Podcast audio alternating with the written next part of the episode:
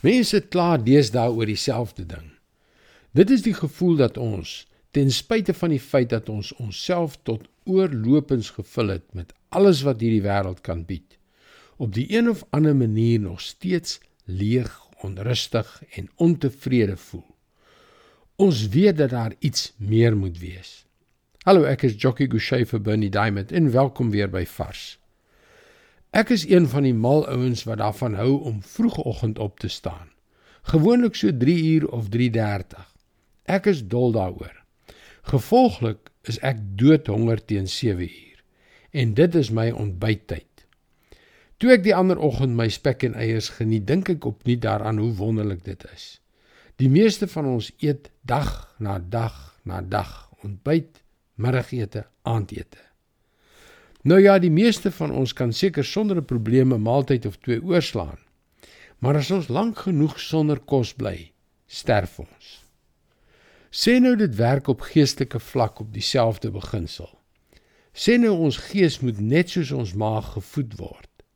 Sal ons gees as hy lank genoeg honger ly, sterf? Ek het die idee dat die omvang van geestelike hongersnood deesdae geweldig groot is. Kyk wat dit Israel se koning Dawid vir God gesê terwyl hy in die woestyn van Juda hongersnood gely het en vir sy lewe moes vlug. Ons lees in Psalm 63 vers 6 en 7.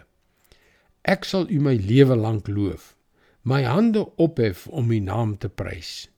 Soos elke keer wanneer ek U goeie gawes geniet, sal ek U altyd roem met jubelende mond. As ek aan U dink op my bed, oor die pyns in die nag, dan weet ek U is vir my 'n hulp. Die waarheid is dat ons meer nodig het as kos, baie meer.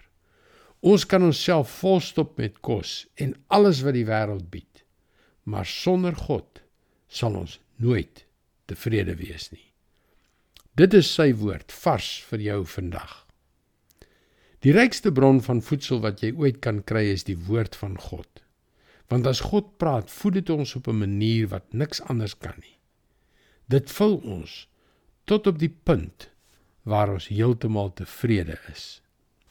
Besoek gerus ons webblad varsvandag.co.za.